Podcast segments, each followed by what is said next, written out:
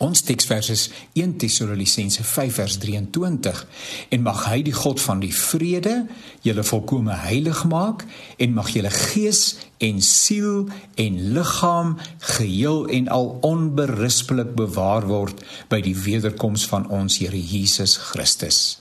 3 in 1, nie net God nie, maar ook die mens. Die Bybel sê, ons het dit pas gelees, liggaam, siel, gees in meer moderne idioom die liggaam, die fisiese, die materiële, die siel, die emosionele en die geestelike dimensie natuurlik van die mens is die drie fasette van menswees. Hierdie drie fasette van menswees hang met mekaar saam en moet in balans, gesonde balans wees ten op ten ten einde optimaal te kan funksioneer. Om die een teen die ander te verabsoluteer of af te speel is om jouself die gawe van 'n holistiese menswees te ontsê. Wanneer ons die verhouding tussen die drie fasette van menswees skeef trek, word dit in elke dag se lewe gedemonstreer. Soms verabsoluteer mense die geestelike wat uiteraard as noodsaaklike onderbou vir die totale lewe gesien moet word. Die geestelike het 'n besliste effek op die res van ons menswees, beide die fisiese en die emosionele. Maar om geestelik so gefikseer te wees dat niks anders saak maak nie, maak ons lewens en wêreld vreemd. Mense identifiseer moeilik met mense wat as dit ware reeds hulle intrek in die hemel geneem het. As God ons dan in die hemel wou gehad het, het ons nie vandag gelewe nie.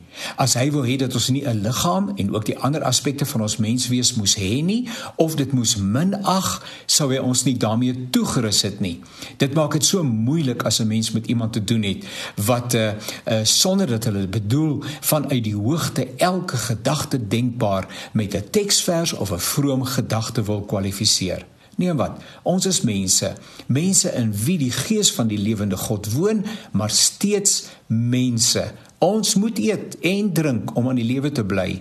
Ons het ander mense nodig ten einde funksioneel en vervul te wees. Immers, ons is deel van die liggaam van Christus wat tog niks anders nie is nie as 'n sosiale verbintenis nie.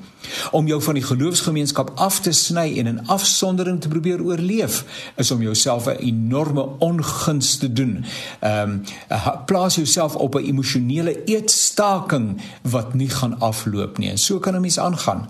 Ook aan die ander kant toe is dit gevaarlik. Om die fisiese te verabsoluteer is dom want die liggaam word oud verweer en daarvan wil ons nie weet nie nê? Die aantreklikheid daarvan is kortstondig. Die merke van die lewe speel op die gesig uit. Ou mense het plooie punt uiteindelik sterf 'n mens. Die fisiese in sy huidige aardse gestalte hou op bestaan.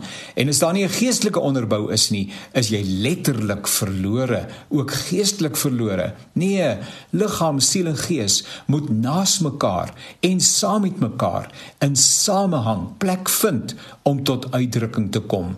Daarom wil ek vir jou vra, hoe is dit gestel met jou lewe, liggaam, siel en gees?